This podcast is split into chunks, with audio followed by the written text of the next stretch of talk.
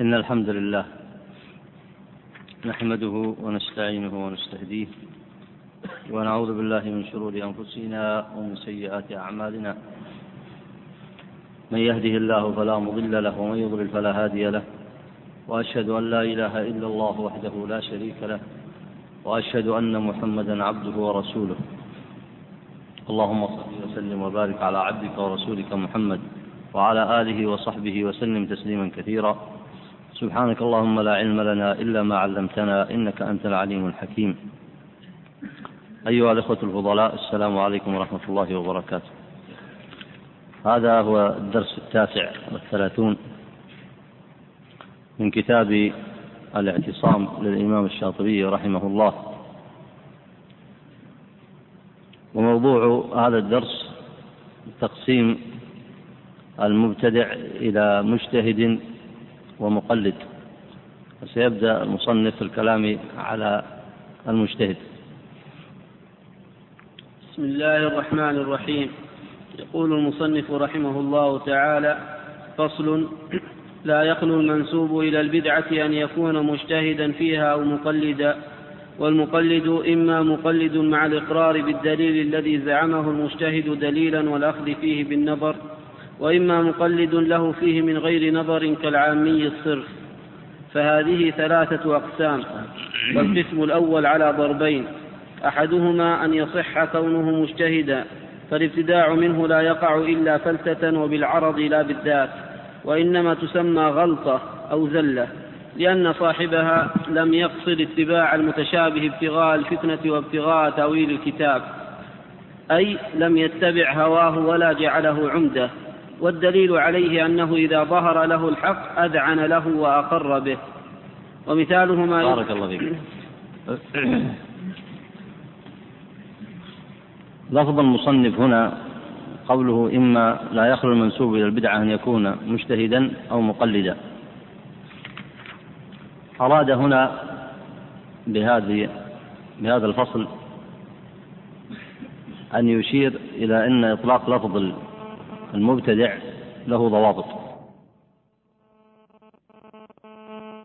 فقد سبق كلامه على تعريف البدعة وسبق كلامه على التحذير منها وسبق كلامه أيضا على التمييز بين ما يكون بدعة وما لا يكون بدعة. هذا الفصل هنا فصل مهم. أراد أن يقول فيه المجتهد قد تقع منه الزلة أو الغلطة. فهل يجوز أن يسمى مبتدعا؟ هذه مسألة. يعني لو ورد عليك سؤال وهو المجتهد ليس معصوم المجتهد في أهل السنة ليس معصوم. ولو أنه وقع في مخالفة نص أو ذهب إلى رأي شاذ فهل هذا الرأي الذي ذهب إليه؟ أو هذا الشذوذ الذي ذهب إليه؟ هل يوجب أن يوصف بأنه مبتدع؟ والجواب تعرفه من هذا الفصل الذي سيورد فيه أمثلة لهذه المسألة. وأما المقلد فسيأتي الكلام عليه بالتفصيل. فإذا الموضوع الدرس هنا الكلام في المجتهد يقع في الزلة. ولذلك عنوانه الأقرب أن يقال الخطأ والزلة من المجتهد. ومتى يجوز أن يوصف الإنسان بالبدعة ومتى لا يجوز. ولا ريب أنكم فيما درستموه من كلام أهل العلم تعلمون أن الوصف بالفسق أو بالبدعة أو بنحوها من الأسماء قد يقع الغلط فيه أيضا. فقد يقال عن إنسان ليس بمبتدع بأنه مبتدع. هذا له أمثلة كثيرة في التاريخ. فالصحابة مثلا دموهم أهل الأهواء مع أن الصحابة أهل أهل فضل ودين وتقوى. وكذلك كثير من المجددين قد يغلط عليه الناس فيذمونه بالابتداع أو يرجمونه بالغيب. كما قالوا في شيخ الإسلام ابن تيمية كما قالوا في الشيخ محمد عبد الوهاب بأنهم من الخوارج. وهذا معلوم لمن درس التاريخ وتتبع أخبار الطوائف. فإذا ينبغي لطالب العلم أن يتعرف على القيود الصحيحة بعد أن تعرف على معنى الابتداع وبعد أن تعرف على تعريف البدعة. لا بد أن يتعرف على كلام أهل العلم متى يجوز نسبة الابتداع إلى الشخص. فيقال مثلا هذا مبتدع. هل إذا وقع في زلة وغلط وهو مجتهد؟ وهذا قصد المصنف هنا. يقول مجتهد أي مجتهد في السنة. وسيأتي من ذكر المثالين. الأول ذكر خلاف عون بن عبد الله بن مسعود الهذلي وهو ثقة من علماء التابعين. ومع ذلك وقع في غلط وزلة ثم رجع عنها فهذا مثال من الأمثلة وهو أن يكون المجتهد في السنة يقع في زلة وغلط وهي عندنا بلا ريب بدعة التي ذكرت عن عون بن عبد الله فإنه كان يذهب إلى الإرجاء والإرجاء باتفاق أهل السنة بدعة أو لا؟ ها؟ بدعة. ثم فارق الإرجاء وترك هذا الرأي. فهذه مسألة وهي التي قصد المصنف أن يضع لها هذا الفصل. ثم أيضا ذكر مثالا آخر.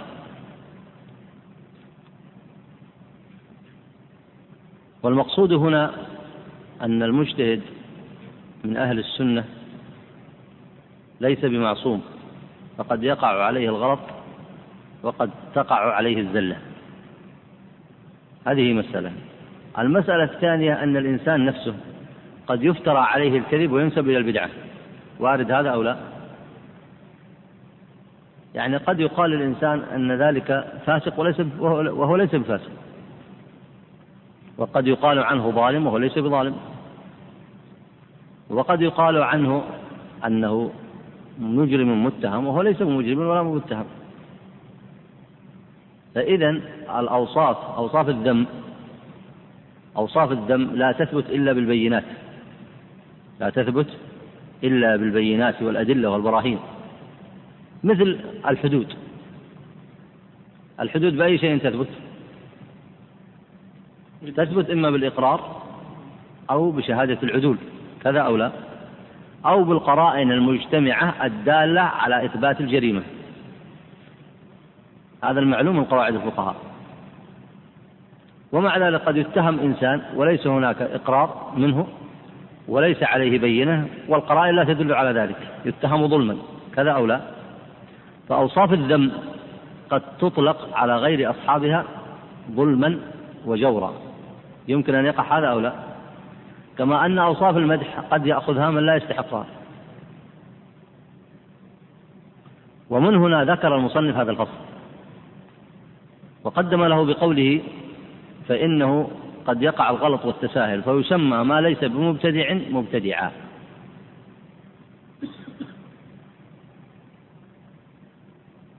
فأول ما ابتدأ به من الأمثلة كما سيأتي معكم أن الرجل من أهل السنة بل من أعلى درجاتها وهو المجتهد. المجتهد عند أهل السنة. ما هي أوصافه؟ من يذكر من بعض أوصاف المجتهد عند أهل السنة؟ تفضل. أن يكون عالما بالكتاب والسنة. نعم. أيوه. أي نعم. أن يكون عالما بها المقصود عالما وعاملا بها. صح. متمسكا بها. مم. أن يرد المتشابه إلى المحكم. يعني صاحب عقيدة صحيحة سليمة. أن تكون عنده ملكة الاجتهاد. يعني يفهم الأدلة ويستطيع المقارنة بينها ويفهم مقاصد الشريعة ويفهم كلام أهل العلم. أي نعم. تفضل. أن يكون عالما بالخلاف واللغة العربية نعم. أن يكون له معرفة بلغة العرب. وليس بالضرورة أن يحيط بها كلها لأنه لا يحيط بلغة العرب غير نبي كما لا يحيط بالأحكام غير نبي. النبي هو الذي يحيط بالأحكام ويحيط بلغة العرب أما غيره من المجتهدين ومن العلماء لا يمكن أن يحيط بلغة العرب كلها ولا يمكن أيضا أن يحيط بالأحكام ولكنه مجتهد فيها ولكنه مجتهد في العلم بها. هذا المجتهد عند أهل السنة معصوم؟ أو ليس بمعصوم؟ ليس بمعصوم. لأن العصمة ليست لأحد بعد النبي عليه الصلاة والسلام. الله عصم نبيه عليه الصلاة والسلام. عصمه من الناس فقال الله عز وجل والله يعصمك من الناس. وقد كان النبي عليه الصلاة والسلام يتخذ حرسا له. فلما نزلت هذه الآية ترك ذلك كله. وإلا فإنه كان له نفر من أصحابه يحرسونه. فلما قال الله عز وجل له والله يعصمك من الناس ترك ذلك كله. وأيضا وهو معصوم من التبديل والتغيير في الشرع. ومعصوم مما يناقض البلاغ ومعرفة الحق. النبي معصوم من ذلك. لكن هذه العصمة لم تثبت لأحد من الصحابة ولا من المجتهدين من بعد الصحابة. فإذا يتصور أن يقع الغلط والزلة من المجتهد في السنة أو لا؟ هنا فما حكم ذلك؟ ولهذا المصنف جعل هذا الفصل طبعا حتى لا تلتبس عليكم المسائل هناك المجتهد في البدعة. يخالف أصل من أصول السنة المعروفة مجتهد في البدعة. هذا لا ننظر حكمه الآن هنا. ليس الكلام فيه الآن. حتى لا تختلط هذه المسألة بغيرها. كما أن الكلام هنا الآن ليس في المقلد. واضح الآن موضع الكلام؟ الكلام في المجتهد في السنة يغلط الغلطة أو يزل الزلة أو يذهب إلى رأي شاذ أي نعم. طيب فلذلك قال فالقسم الأول على ضربين. لا يخلو المنسوب إلى البدعة أن يكون مجتهدا فيها أو مقلدا. فقال الأول أحدها أن يصح كونه مجتهدا. لماذا؟ حتى ما يجي واحد يدعي الاجتهاد ويتذرع به. فيبتدع بالدين ولا يرجع عن بدعته. ويظل يصابر عليها ويجادل عنها ويقول أنا مجتهد. لي حق الاجتهاد ولي حق النظر. لاحظ؟ شوف عبارة المصنف هنا. أن يصح أن يصح كونه مجتهدا. فالابتداع منه لا يقع إلا فلته وبالعرض لا بالذات. يعني لا يقع الشذوذ منه إلا زلة عن غير إرادته. لكن ما تتناسب مع أصوله. شوف هنا قوله بالعرض لا بالذات. بالعرض لا بالذات. يعني إذا نظرت في أصوله في أصوله فأصوله تقوده إلى السنة. لاحظتم؟ وهذا الخطأ الذي وقع فيه ما وقع فيه لأنه منحرف من حيث الأصول والأساس أو مبتدع في الأصول. لكن وقع منه على سبيل الزلة والفلسة. ولذلك قال إنما تسمى غلطة أو زلة. لأن صاحبها لم يقصد اتباع المتشابه ابتغاء الفتنة وابتغاء تأويل الكتاب أي لم يتبع هواه ولا جعله عمده قال هنا والدليل على ذلك لأنك لك أن تسأل المصنف تقول ما الدليل إذن كيف نفرق بين هذا وبين هذا؟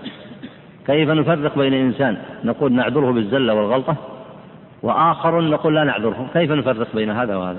قال لك والدليل عليه أنه إذا ظهر له الحق أذعن له وأقر به. هذا الضابط. إذا سألت نفسك أو سألك أحد ما الضابط لما تقول؟ تقول هذا هو الضابط. أن هذا لأن أصوله صحيحة فإننا فإنه إذا وقعت منه الزلة والغلطة وتبين له الدليل فإنه يرجع ويذعن إلى الحق ولا يكابر برد المحكم والعمل بالمتشابه بل يرجع إلى الصواب.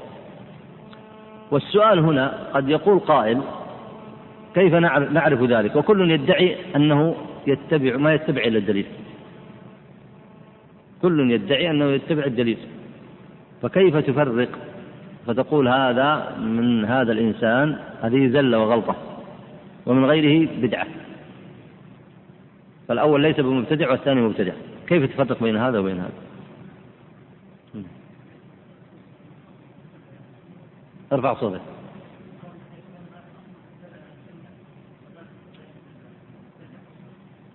أحسنت.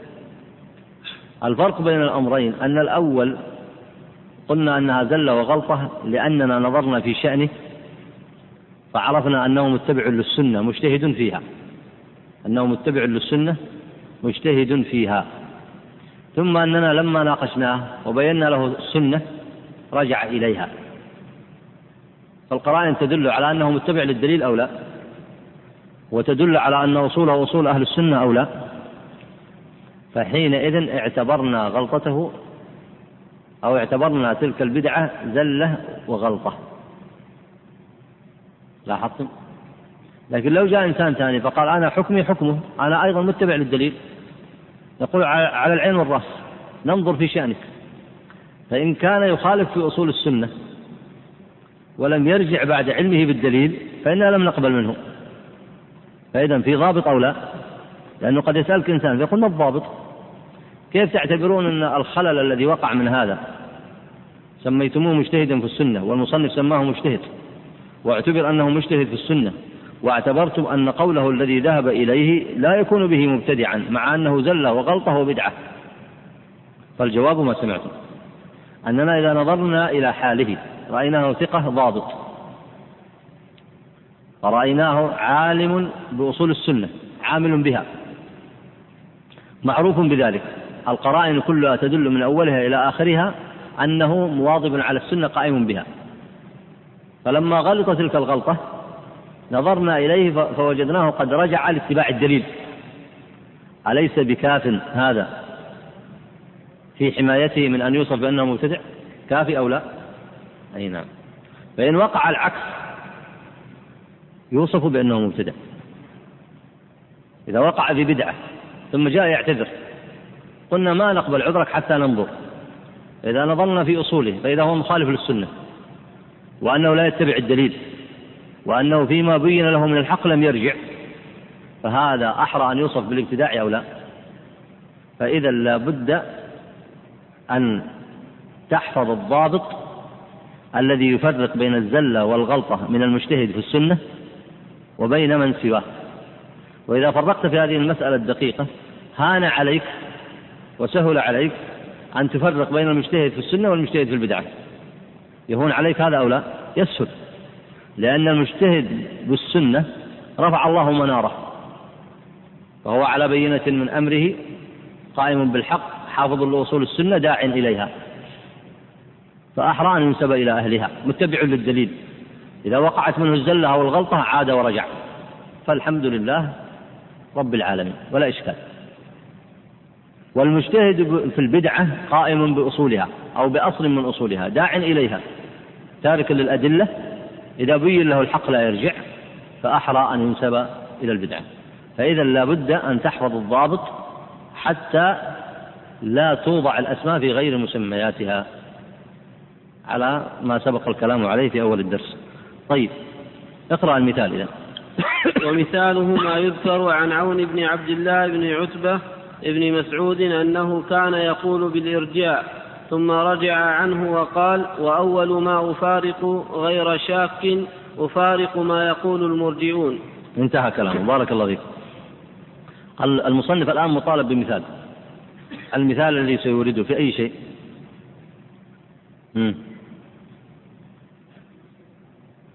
المجتهد في السنة يغلط الغلطة ويزل الزلة فيقع في بدعة.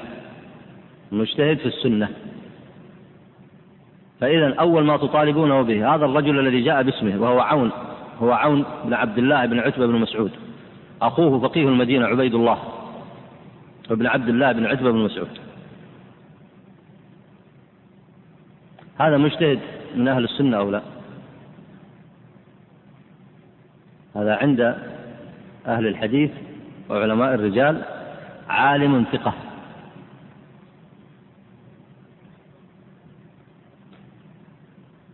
كان يقول بالإرجاء.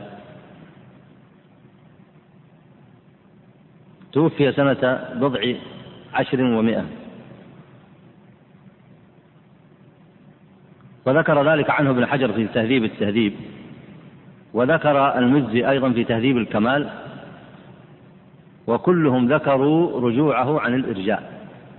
وهذا الذي ذكره المصنف هنا هو في أصله بيت شعر له. وقد يقرأ على هذا الحال وأول ما أفارق غير شك أفارق ما يقول المرجئون. أو كما قال المصنف أول ما أفارق غير شاك أفارق ما يقول المرجئون. فلاحظ هنا أنه لما وقع في الزلة والغلطة حفظته أصوله التي بنى عليها علمه وأصوله أصول السنة وهو فقيه. معروف بالعلم وبنصرة السنة. فلما وقع في هذه الغلطة وهي بدعة بلا ريب فإنه آب ورجع فكأن شيئا لم يكن. لاحظتم؟ فكأن شيئا لم يكن. والمسألة في هذا المثال تقريبية. فالذي وقع فيه بدعة بلا ريب. الذي وقع فيه بدعة بلا ريب لأن الإرجاء من أصول البدع. ولكنه لما ترك وآب وحفظ أصوله البينات الواضحات اعتبر كأن لم يكن شيء.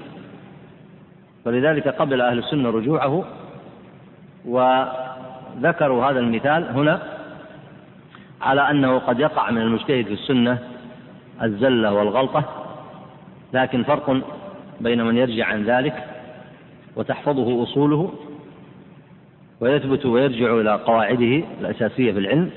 فيحفظه الله بالسنة. فرق بين هذا وبين من يكابر ويترك الدليل ويبقى على بدعته وهواه طيب المثال الثاني اقرأ. وذكر مسلم عن يزيد بن صهيب الفقير قال كنت قد شغفني رأي من رأي الخوارج فخرجنا في عصابة ذوي عدد نريد أن نحج ثم نخرج على الناس. قال فمررنا على المدينة فإذا جابر بن عبد الله يحدث القوم وهو جالس إلى سارية عن رسول الله صلى الله عليه وسلم قال وإذا هو قد ذكر الجهنميين. قال فقلت له يا صاحب رسول الله ما هذا الذي تحدثون؟ والله يقول إنك من تدخل النار فقد أخزيته وكلما أرادوا أن يخرجوا منها أعيدوا فيها فما هذا الذي تقولون؟ قال فقال أفتقرأ القرآن؟ قلت نعم. قال فهل سمعت بمقام محمد صلى الله عليه وسلم؟ يعني الذي يبعثه الله فيه. قلت نعم. قال فإنه مقام محمد صلى الله عليه وسلم المحمود الذي يخرج الله به من يخرج. قال ثم نعت وضع الصراط ومر الناس عليه. قال وأخاف ألا أكون أحفظ ذلك.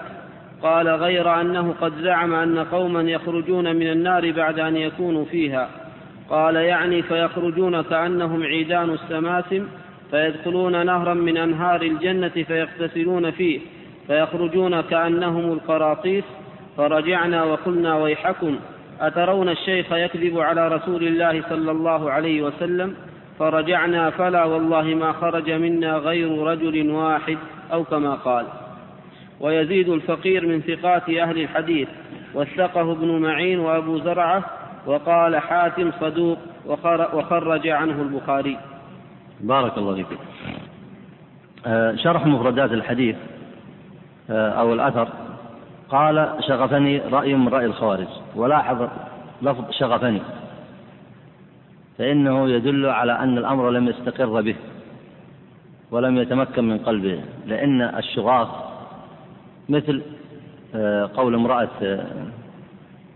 قوله هنا شغفني يعني كأنه طار به وبعد لم يستقر على عليه. وهذا ظاهر في قوله كنت قد شغفني رأي من رأي الخوارج. أي أعجبني. آه، قوله هنا الجهنميين أو الجهنميين هم الذين يخرجهم الله من النار بعد أن كانوا فيها. هم الذين يخرجهم الله من النار بعد أن كانوا فيها. قوله هنا فيخرجون كأنهم عيدان السماسم هذا تشبيه. والسمسم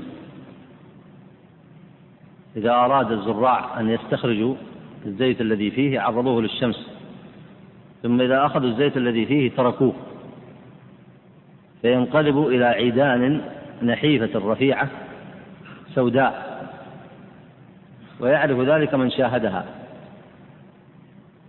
فهذا التشبيه يدل على أنهم يخرجون من النار وهم على هذه الحالة. كعيدان السماسم محترقة. فالسواد هنا يشبهه الاحتراق. ثم في الحديث قال فيدخلون نهرا من أنهار الجنة فيغتسلون فيه فيخرجون كأنهم القراطيس. أي في البياض أن القرطاس قبل أن يكتب فيه إذا كتب فيه حبر وقبل أن يكتب فيه هو على بياضه. وأما يزيد بن صهيب فقير فهذا ذكر الأثر عنه هذا مسلم في كتاب الإيمان من صحيحه.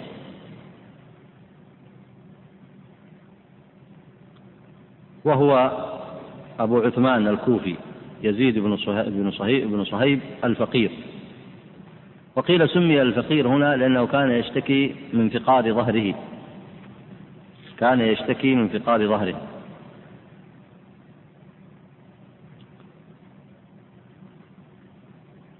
ثقة حدث عن بعض الصحابة وهو من كبار شيوخ أبي حنيفة. والشاطبي أشار هنا إلى أنه وثقه ابن معين يقصد يحيى بن معين إمام المحدثين وإمام الجرح والتعديل وأبو زرعة هو عبد الرحمن بن عمرو أيضا محدث الشام. وكذلك أبو حاتم محمد بن إدريس شيخ المحدثين. وخرج عنه البخاري. والمقصود أنه لما آل أمره إلى السنة وابتداؤه في السنة أيضا لم ينقطع كان ذلك سببا لتوثيقه. لكنه لو بقي على هذا الأمر الذي هو عليه لم يوثقه. إلا أن يذكروا ما فيه. لكن لم يثبت له لم تثبت له بدعة الخوارج ولم يعتبر مبتدعا لأنه رجع عن ذلك. فهنا في منزلته وقعت منه هذه الغلطة والزلة وشغفه هذا الرأي. قال فخرجنا في عصابة ذوي عدد نريد أن نحج ثم نخرج على الناس. أي بهذا الرأي. وهو رأي الخوارج. قال فمررنا على المدينة فإذا جابر بن عبد الله يحدث القوم وهو جالس إلى سارية عن رسول الله صلى الله عليه وسلم.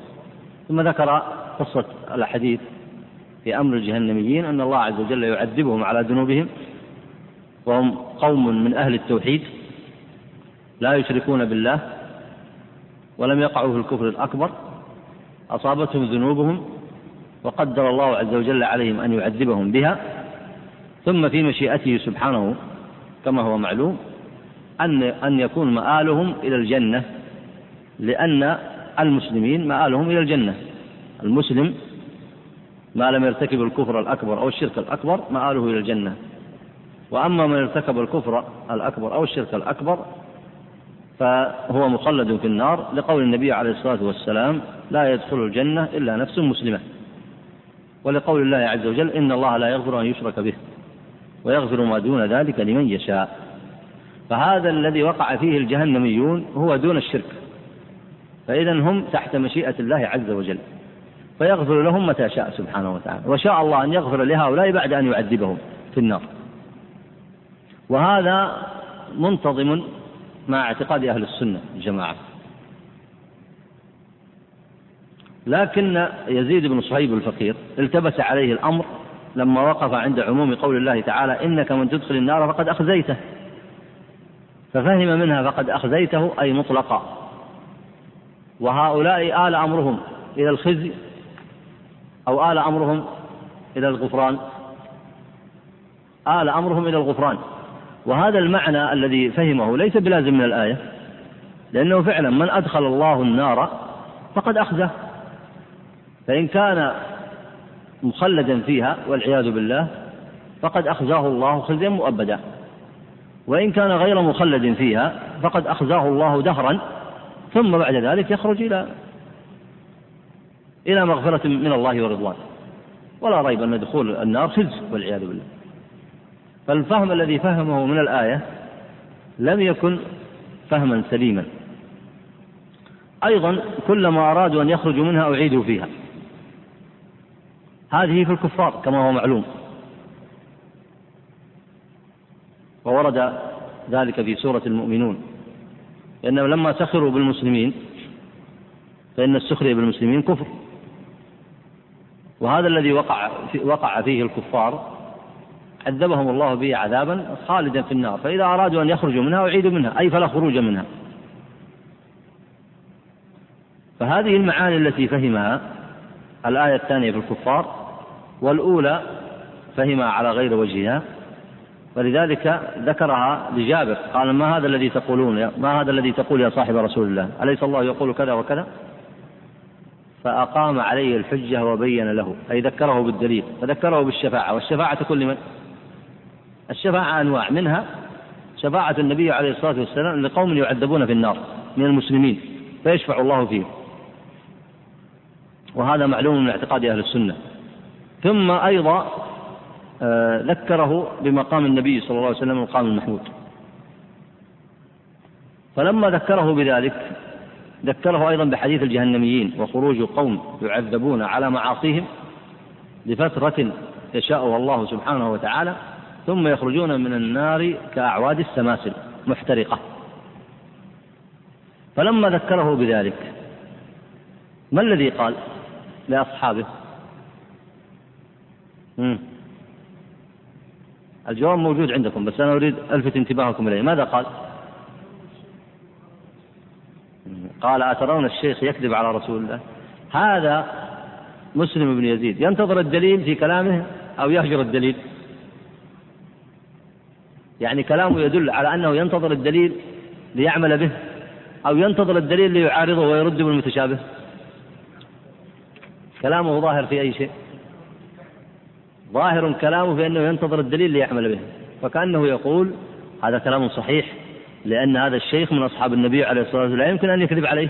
فإذا هذا هو كلام النبي عليه الصلاة والسلام. إذا هو واجب الاتباع. فنترك ما كنا عليه من الرأي الفاسد هذا ظاهر كلامه. ولذلك كان أمره إلى خير.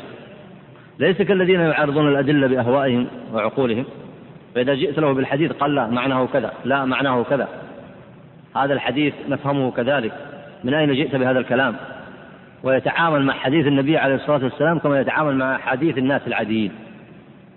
هذا يدل على أن في قلبه زيغ. لكن كلام يزيد هنا ظاهر على أنه يبحث عن الدليل.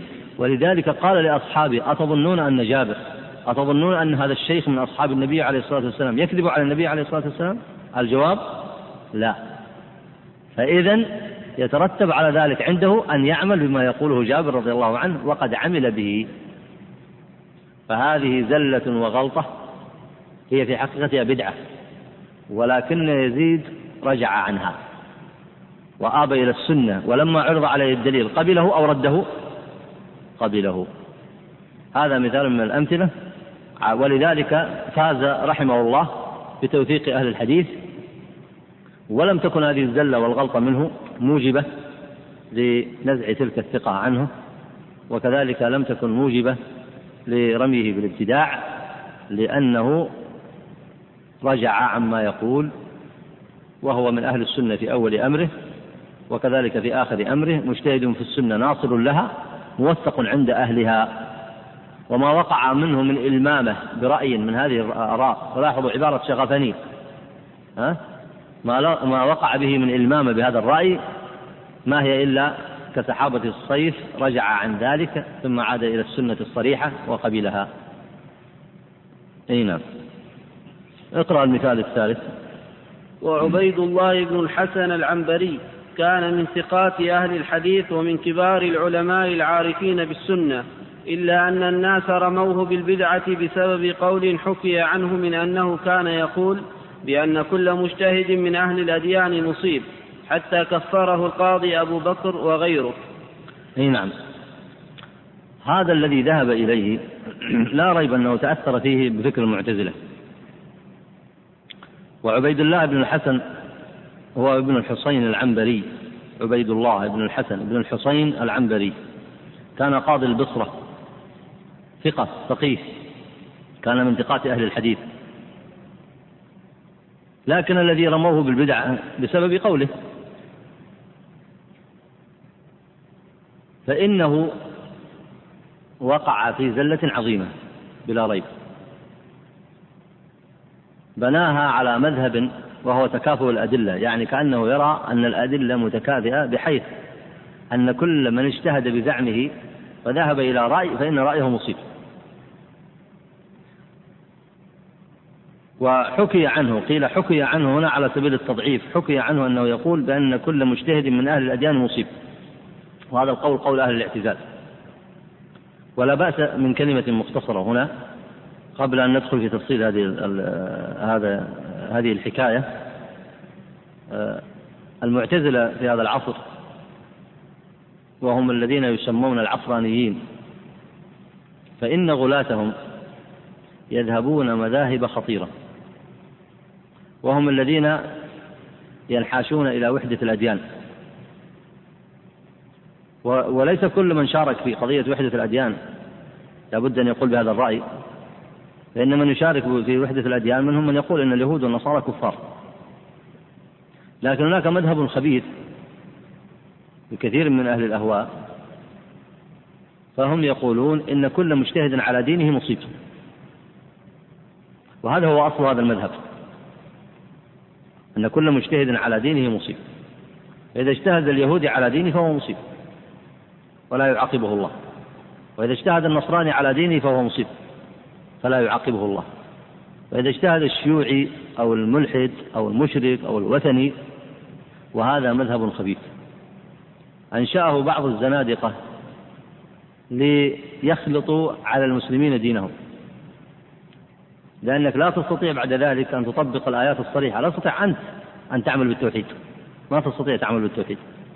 كيف تعمل بالتوحيد في قول الله تعالى قل يا أيها الكافرون لا أعبد ما تعبدون؟ كيف تسميهم كافرين؟ وكيف تتبرأ منهم؟ إذا انتشر مثل هذا المذهب الخبيث وأن هؤلاء مجتهدون في دينهم وما داموا مجتهدين في دينهم فلا شيء عليهم. وهذا المذهب وإن لم يصرح به في مثل هذا العصر لكن له آثار سلبية خطيرة وهي التي خففت العداء بين المسلمين والكفار.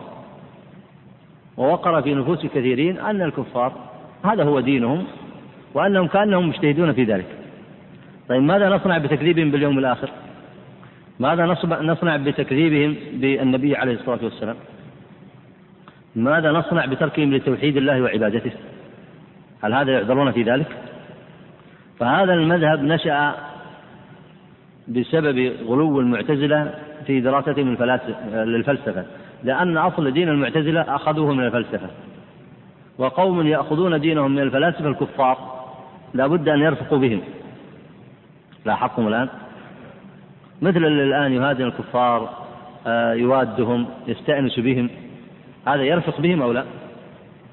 ويتلمس لهم المعاذير أو لا؟ وتقع محبته في قلوبهم أم لا؟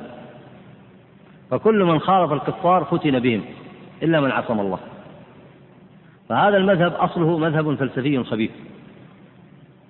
ويترتب عليه القول بأن الأديان صحيحة حتى المنسوخة والمبدلة مع أن هذا القول كفر والعياذ بالله.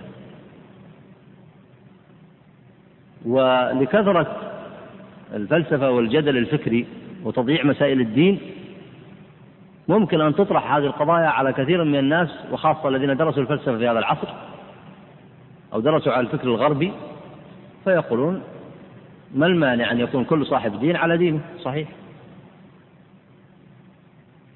وهذا مؤد إلى هدم التوحيد وهدم الإسلام وكأنه لا فائدة لبعثة النبي عليه الصلاة والسلام. وإن اتبعه قوم هم المسلمون لكن لا فائدة من بعثته للعالم الآخر لأن النبي صلى الله عليه وسلم مبعوث للناس كافة. فإذا كان الذي بعث لهم من الكفار سواء اتبعوه أو لم يتبعوه فهم مجتهدون فما فائدة لبعثة النبي عليه الصلاة والسلام. وهو مذهب من أخبث المذاهب. نشره أهل الأهواء وهو مذهب مناسب للكفار في هذا العصر. فعبيد الله بن الحسن العنبري دخل عليه مسألة اعتقاد تكافؤ الأدلة عند التعارض. اقرأ بارك الله فيك.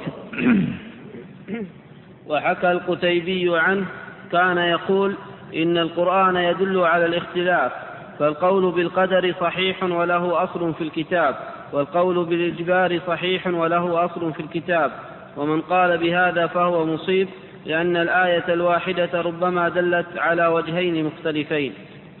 وسئل يوما عن أهل القدر وأهل الإجبار قال كل مصيب هؤلاء قوم عظموا الله وهؤلاء قوم نزه الله.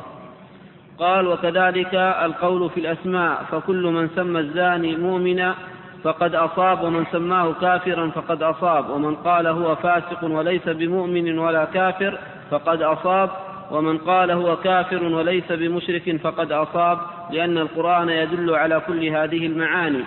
قال وكذلك السنن المختلفة كالقول بالقرعة وخلافه والقول بالسعاية وخلافه وقتل المؤمن بالكافر ولا يقتل مؤمن ولا يقتل مؤمن بكافر وبأي ذلك أخذ الفقيه فهو مصيب. قال ولو قال قائل إن القاتل في النار كان مصيبا ولو قال في الجنة كان مصيبا. ولو وقف وأرجع أمره كان مصيبا إذ كان إنما يريد بقوله أن الله تعبده بذلك وليس عليه علم الغيب. قال ابن أبي خيثمة أخبرني سليمان بن أبي شيخ قال كان عبيد الله بن, آه، ابن الحسن ابن الحسين بن أبي الحريق العنبري البصري اتهم بأمر عظيم روي عنه كلام رديء. قال بعض المتأخرين هذا الذي ذكره ابن أبي شيخ عنه قد روي أنه رجع عنه لما تبين له الصواب وقال إذا أرجع وأنا صاغر لأن أكون ذنبا في الحق أحب إلي أن أكون رأسا في الباطل. فإن ثبت عنه ما قيل. بارك الله فيك. هذا كله نقله عنه ابن حجر أيضا ورواه في تهذيب التهذيب. وابن أبي خيثمة الذي أخبر عنه الحافظ الكبير. أحمد بن أبي خيثمة توفي سنة 279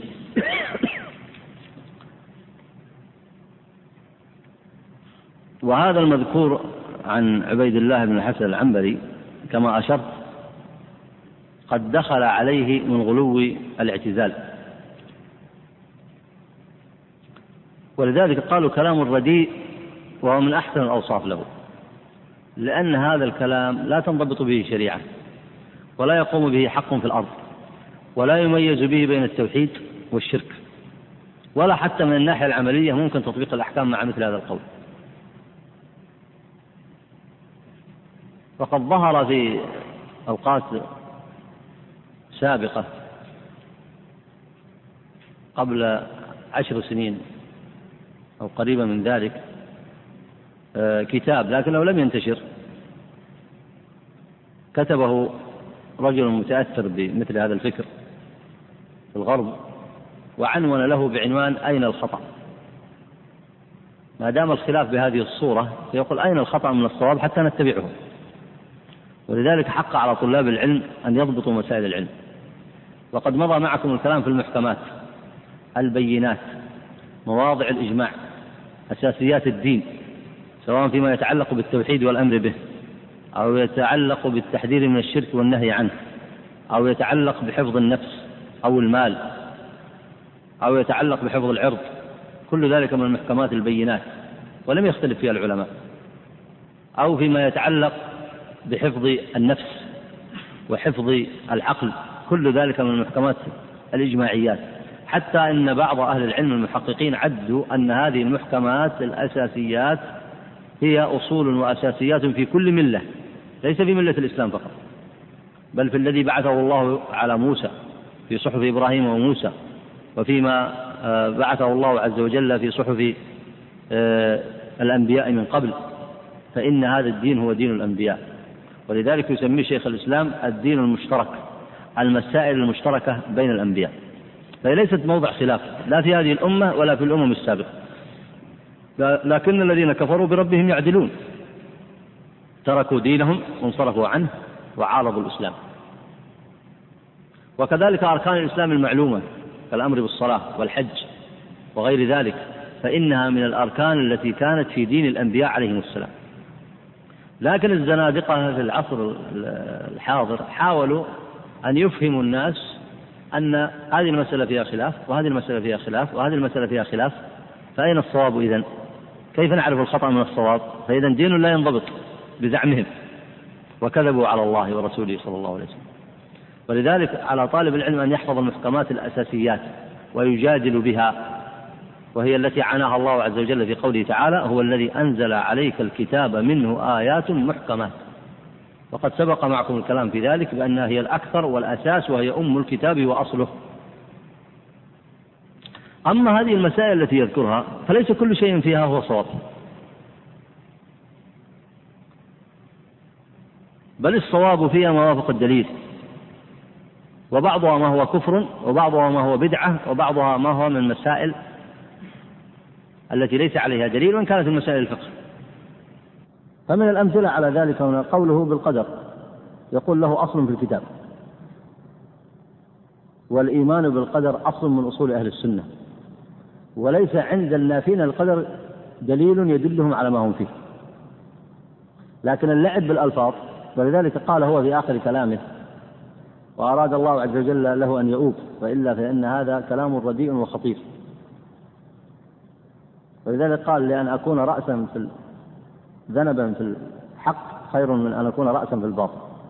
وكثيرا من أئمة الاعتزال وغيرهم إنما أرادوا أن يكون الرجل منهم رأسا في الباطل فهلكوا. فهو عرف الإشكال الذي عنده والسبب الذي أوقعه في ذلك. فرجع عن هذا الكلام الرديء الذي لا يمكن أن تطبق معه شريعة ولا أن يعمل فيه بسنة ولا أن يقوم فيه توحيد الله عز وجل والنهي عن الشرك. ثم قوله هنا طبعا هذا الكلام واضح لا نطيل فيه لأنه مخالفة مصادمته للنصوص الصحيحة ولأصول أهل السنة مما لا يحتاج إلى بيان. آه، قوله هنا فكذلك تسمية الزاني مؤمنا مع أن الذي في الحديث أنه لم يسمى مؤمن. لا يزني الزاني حين يزني وهو مؤمن. ثم قوله هنا فقد أصاب ومن سماه كافرا فقد أصاب. كذلك لا يجوز أن يسمى كافرا كفرا يخرج عن الملة. هذا لعب بالألفاظ. بل يقال أنه فاسق. فاسق مسلم بإسلامه فاسق بكبيرته. ولا ولا يجوز أن يكفر إلا إذا استحل. ثم قوله السنن المختلفة. دخل في مسائل الفقه مع أنه ما ذكر إلا مسألتين. والخلاف في مسائل الفقه المجتهدون كل يجتهد في معرفة ما هو الحق والصواب بحسب الدليل. وإذا أخطأ فإن الصواب عند غيره. وقوله القرعة يجوز العمل بها ولا يجوز العمل بها. هذا ما هو صحيح. فإنه معلوم بالإجماع أن القرعة لها مواطن يجوز العمل بها. وأما أنه تارة نقول يجوز وتارة نقول لا يجوز هكذا بإطلاق وبدون دليل هذا لم يقل به أحد. والقول بالسعاية لعله يقصد سعاية العبد على نفسه وهو المكاتب. وخلافه أي نقيضه يقول هذا جائز وهذا جائز. وقتل المؤمن بالكافر. وقتل ولا يقتل مؤمن بكافر يقول هذا يجوز وهذا يجوز. وهذا غريب جدا. لأن الحديث الأحاديث الصحيحة كما هو الحديث عند مسلم وغيره أن النبي عليه الصلاة والسلام قال لا يقتل مسلم بكافر. أو أظنه عند البخاري لا يقتل مسلم بكافر ولا ذو عهد في عهده. هذا صريح قول النبي عليه الصلاة والسلام وهو الصواب. وإن كان بعض الفقهاء ذهب إلى الجواز لكن ليس معه دليل قوي على ذلك. وما أحد يقول أن هذا يجوز وهذا يجوز ما أحد قال بهذا.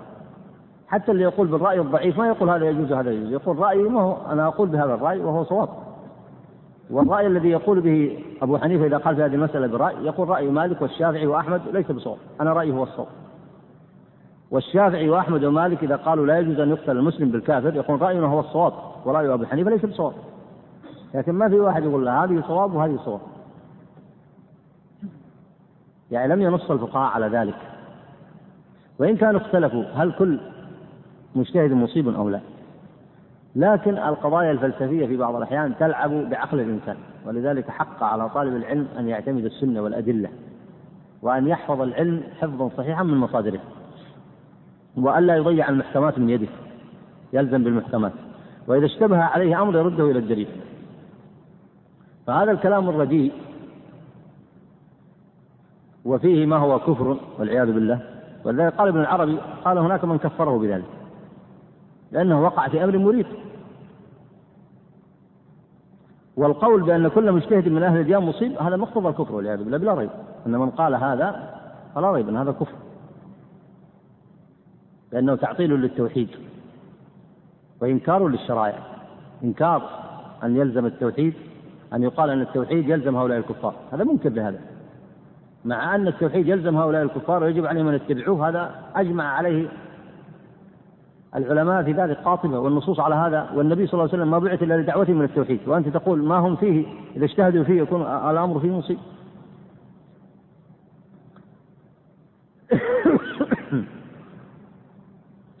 وقوله أيضا أن القاتل في النار من قال أن القاتل في النار كان مصيبا.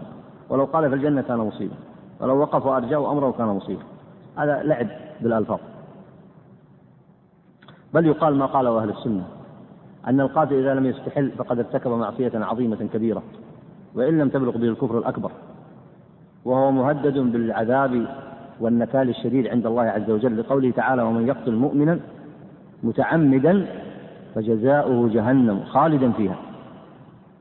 والتوعد بالعقوبة هنا لا يقتضي إثبات الكفر الأكبر له لما هو معلوم من عقيدة أهل السنة. وهو متوعد بالعذاب ومتوعد بالعذاب في النار. وهو مع ذلك تحت المشيئة هذا الذي يقال. أما هذا الكلام المتلاطم الذي ينقض بعضه بعضا هذا لا أصل له في كلام أهل السنة. لكن هداه الله عز وجل فرجع إلى الحق. كما ذكر المصنف هنا وكما نقل رجوع أيضا ابن حجر وغيره. ثم قال عن نفسه إذا أرجع أنا صاغر. أي ذليل. معنى صاغر ذليل. لأن أكون ذنبا في الحق أحب إلي أن أكون رأسا في الباطل. إي نعم اقرا بارك الله فإن ثبت عنه ما قيل فيه فهو على جهة الزلة من العالم. وقد رجع عنها رجوع الأفاضل إلى الحق لأنه بحسب ظاهر حاله فيما نقل عنه إنما اتبع ظواهر الأدلة الشرعية فيما ذهب إليه ولم يتبع عقله ولا صادم الشرع بنظره فهو أقرب من مخالفة الهوى. ومن ذلك الطريق والله أعلم وفق إلى الرجوع إلى الحق. يعني كأن المصنف هنا يشير إلى أنه وقع له اشتباه ولم يقصد إلى المعاندة. والمصنف الحقيقة في قوله هذا يحتاج إلى دليل. فمن أين عرف المصنف هنا أنه لم يقصد إلى المعاندة؟ وأن الذي وقع فيه إنما وقع فيه عن اشتباه. المصنف أجاب لأن هذا اعتراض على المصنف اعتراض. ولا شك أن الاعتراض قوي. فبأي شيء أجاب؟ تفضل. لأنه لما عرف الدليل ها رجع إليه. قال ومن ذلك الطريق والله أعلم وفق إلى الرجوع إلى الحق. طيب لو سألك سائل فقال لو تأخر سنينا حتى يرجع إلى إلى الدليل. ماذا نصنع به؟ هذا مشكل على المصنف. هذا وارد على المصنف فبأي شيء يجيب؟ لأنه علقها الآن على على الغيب. قال وفق. طيب متى ندري أنه يوفق فيرجع؟ وكم ننتظره؟ هذا الإشكال وارد أو لا؟ لأنه قد يأتي إنسان لك ويقول ببدعة خالف أهل السنة بأصل من أصول أهل البدع. فيقول انتظر حتى يوفقني الله إلى الرجوع إلى الحق.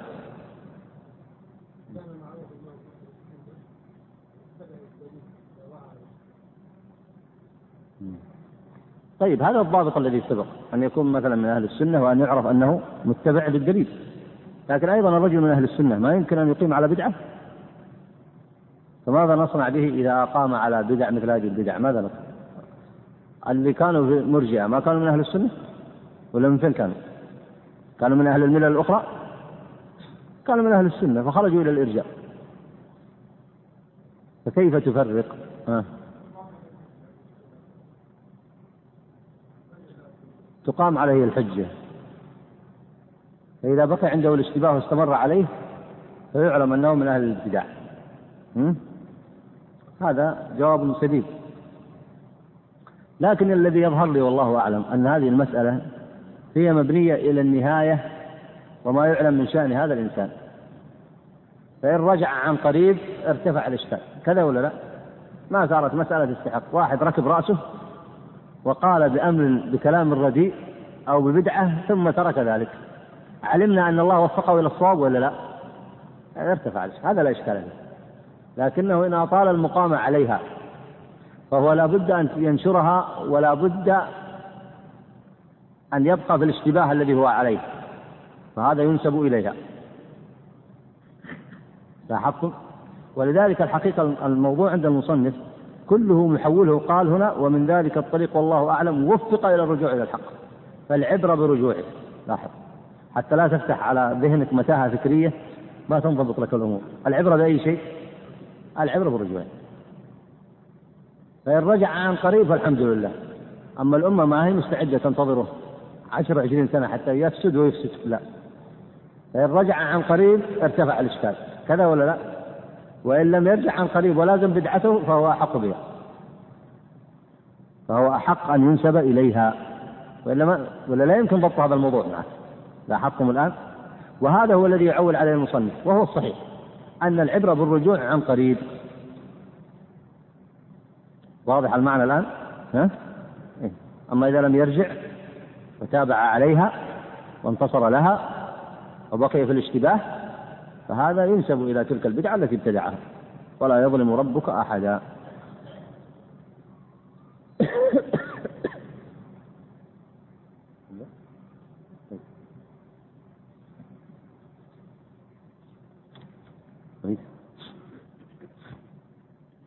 وكذلك يزيد الفقير فيما ذكر عنه لا كما عارض الخوارج عبد الله بن مسعود رضي الله عنه إذ طالبهم بالحجة فقال بعضهم لا تخاصموه فإنه ممن قال الله فيه بل هم قوم خصمون. فرجحوا المتشابه على المحكم وناصبوا بالخلاف السواد الأعظم. بارك الله فيك. هنا المصنف يريد أن يشير إلى الفرق بين من ترك رأيه الفاسد ورجع إلى الحق عن قريب وبين من كابر وخاصم وجادل بالباطل. وهو الذي وهو القاعدة التي اختارها ليفرق بين من يصح وصفه بالابتداع وبين من يعتبر غلطه زلة لا يوصف بسببها بالابتداع فجعل له ضابط في هذا الكتاب وهو أن من رجع عن قريب وظهر منه اتباع الدليل ورغب في ذلك ورجع إلى السنة فهو إلى خير. واستدل بذلك لأن يزيد الفقير لما عرض لما سمع كلام جابر رضي الله عنه عاد ورجع عن قريب. كذا أو لا؟ بخلاف قوم آخرون بخلاف قوم آخرين لما جادلوا ابن عباس رضي الله عنه. ابن عباس لما ذهب إلى الخوارج وجادلهم في في مسألة التكفير بالمعصية بالمعصية وتكفير علي رضي الله عنه وغير ذلك. لما جادلهم ماذا قالوا؟ قال لا تجادلوا هذا فإنه من قريش. وقال الله عن قريش بل هم قوم خصمون. بل هم قوم خصمون. هذه قالها الله عز وجل في كفار قريش أو لا؟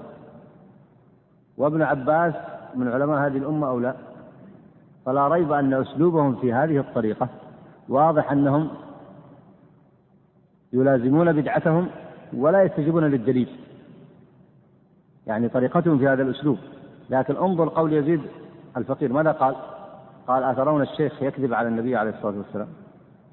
فكلامه ظاهر فإنه يريد الحق وأنه قريب من الدليل. فلما ظهر له الدليل اتبعه. وهؤلاء ظاهر أنهم هم القوم الخصمون. هم. الخوارج هم القوم الخصمون الذين يجادلون بالباطل. ومن هنا فرق المصنف بين من يرجع عن قريب إلى الحق والهدى فهذا يقول ما وقع منه زلة وغلطة وهو على أصله في اتباع السنة ولا يجوز حينئذ وصفه بالابتداع. وأما من لازم ما هو عليه وتابع المتشابه وترك السنة فهو حقيق بأن يوصف بالابتداع. ولا ريب أن المثال الأول والثاني آه، يصلح للمصنف أن يستدل بهما. لأنه ظاهر فيها أن الغلط والزل التي وقعت من يزيد الفقير ومن بعده فيما ذكره من المثال يزيد بن صهيب الفقير وكذلك ما ذكر عن عون بن عبد الله. أما المثال الثالث الذي ذكره عن عبيد الله بن الحسن العنبري فقد يستشكل بعض الطلبة فيقول كيف يكون مثلا من كبار العلماء العارفين بالسنة أو من ثقات أهل الحديث؟ وكما ذكروا عنه أنه قاضي البصرة ثقة فقيه. كيف يذهب إلى مثل هذا الكلام الرديء الذي ذكروه عنه؟ وهذا لا ريب اعتراض وجيه. لكن يدل لكم يدلكم على أن العالم لا يعصمه إلا اتباع الدليل. فلذلك ينبغي لطالب العلم أن يفرح بالعمل بالدليل واتباع السنة وأن يلازم ما كان عليه الصحابة والتابعون وأن يثبت مع السنة ويثبت مع ما كان معلوم في علم القرون الأولى. فإن الإنسان لا تؤمن عليه الفتنة. فقد يستشكل الإنسان يقول كيف يرد هذا الكلام من مثل عبيد الله ويقال أنه من كبار العلماء؟ كما قال المصنف قال من كبار العلماء العارفين بالسنة وقال من ثقات أهل الحديث وقاضي البصرة وثقة فقيه ويرد مثل مثل هذا الكلام الرديء منه الجواب نعم. ما دام أنه لم يستمسك بالدليل وقبل أن يقول هذا الكلام لم يتريث ويتأمل فلا ريب. أن ذلك مؤد به إلى هذا. فكيف بطالب العلم المبتدئ؟ إذا لم يحسن الاقتداء ويقف عند الدليل ويتريث في طلب في طلب العلم فإنه قد يقع في أكبر من ذلك. فإذا كان هذا العالم على فضل وقع فيما وقع. ولذلك الأصل كما هو معلوم أن العالم من أهل السنة وكذلك من غيرهم ليس معصوم ولعل المصنف هنا أطال في هذا الوصف ليشير إلى هذا المعنى. فلا يستغرب أن يقال عنه أنه كان كذا وكان كذا في المنزلة من العلم ثم يقع منه ذلك. فإن العصمة لمن عصمه الله ونسأل الله أن يعصمنا وإياكم من كل سوء. والعبرة كما ذكر المصنف برجوعه فما دام رجع فالأمر لا يحتاج إلى كبير تفتيش لا يحتاج إلى تفتيش الموضوع. مثلا يقال هذا كيف يكون في هذه المنزلة ثم يقول كذا؟ لأن ممكن الإنسان يقول أيضا في عون بن عبد الله كيف يكون عون بن عبد الله من العلماء الثقات ثم يقول بالإرجاء ويمكن أن يقول أيضا في يزيد بن صهيب الفقير كيف آه، منزلته كذا وكذا ثم يشغف برأي فلان وعلان؟ هذا كله وارد. لكن الأمر لا يحتاج إلى تفتيش لأن العبرة بما انتهى إليه هؤلاء. فلما رجعوا إلى الحق فالحمد لله. بقي الإشكال الذي ذكرته لكم وهو قائم عندي ووارد على المصنف في أن هذا الرجل واحد من هؤلاء لو أطال على ما هو فيه. فما القول في ذلك؟ الأقرب والله أعلم أنه لو أطال على ما هو فيه فإنه ينسب إلى ما قام به. ولا يظلم ربك أحدا. لأن المقصود من نسبته إلى ذلك المقصود من نسبته إلى ذلك ليس هو مجرد اتهامه بالبدعة. هذا مقصد من المقاصد الشرعية حتى يرجع هو. لأن من الإحسان إليه أن يعرف هو نفسه أنه قال بأمر بكلام رديء وبشر وببدعة. هذا من الرأفة به والشفقة. كثير من الناس يظن أنه إذا قال هذا فلان أتى بشرك أو بدعة أو صنع كذا وكذا يظن أن هذا من باب الإغلاظ عليه. وهذا معنى وارد عند أهل العلم. لكن أقرب من ذلك أن يقال أنه من الرحمة والشفقة به حتى يرجع. كيف يرجع وهو لا يظن أو وقع عند نفسه أن الذي هو عليه هو السنة كيف يرجع؟ فلا بد من أن يبين له. المقصد الثاني وهو مهم أيضا ألا يقتدي الناس به في ذلك. ألا يقتدي الناس به في ذلك.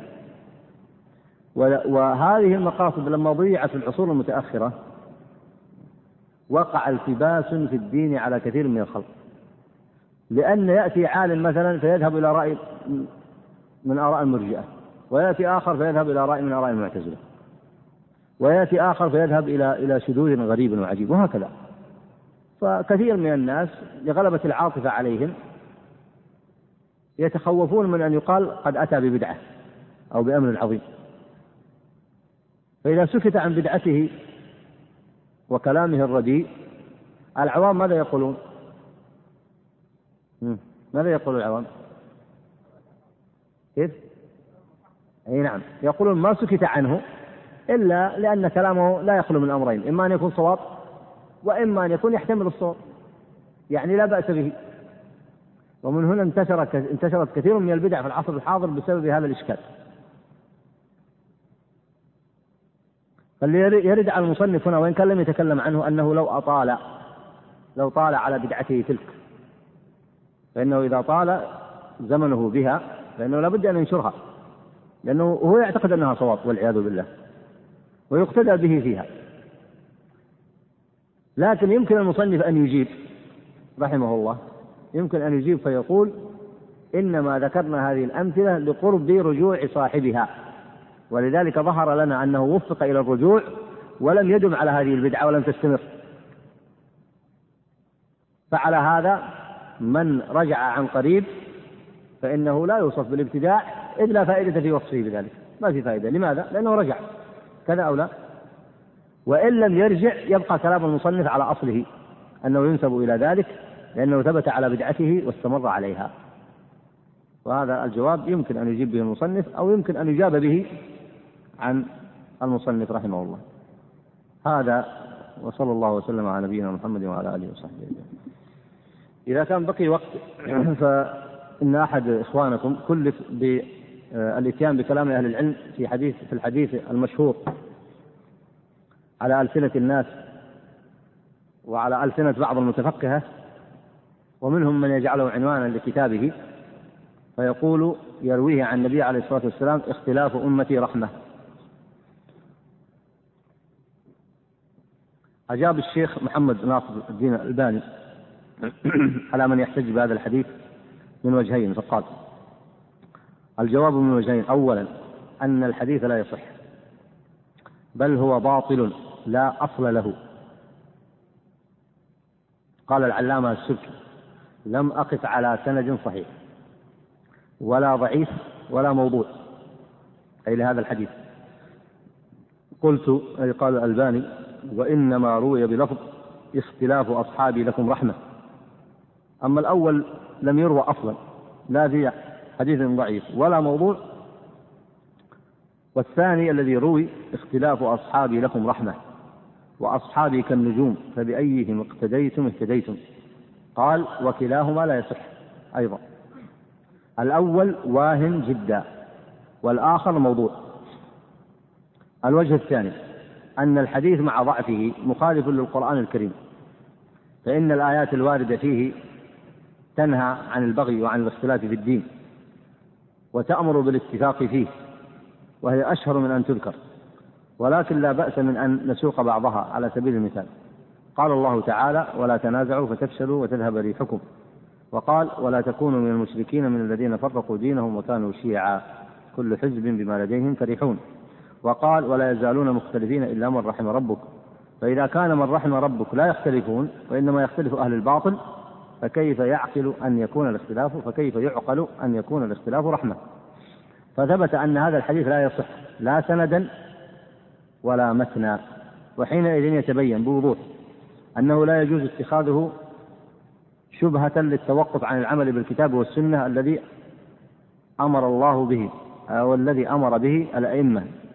يقصد الأئمة الأربعة وغيرهم فإن كل واحد منهم كان يأمر أصحابه بأن يتبع الدليل وإن خالف مذهبه.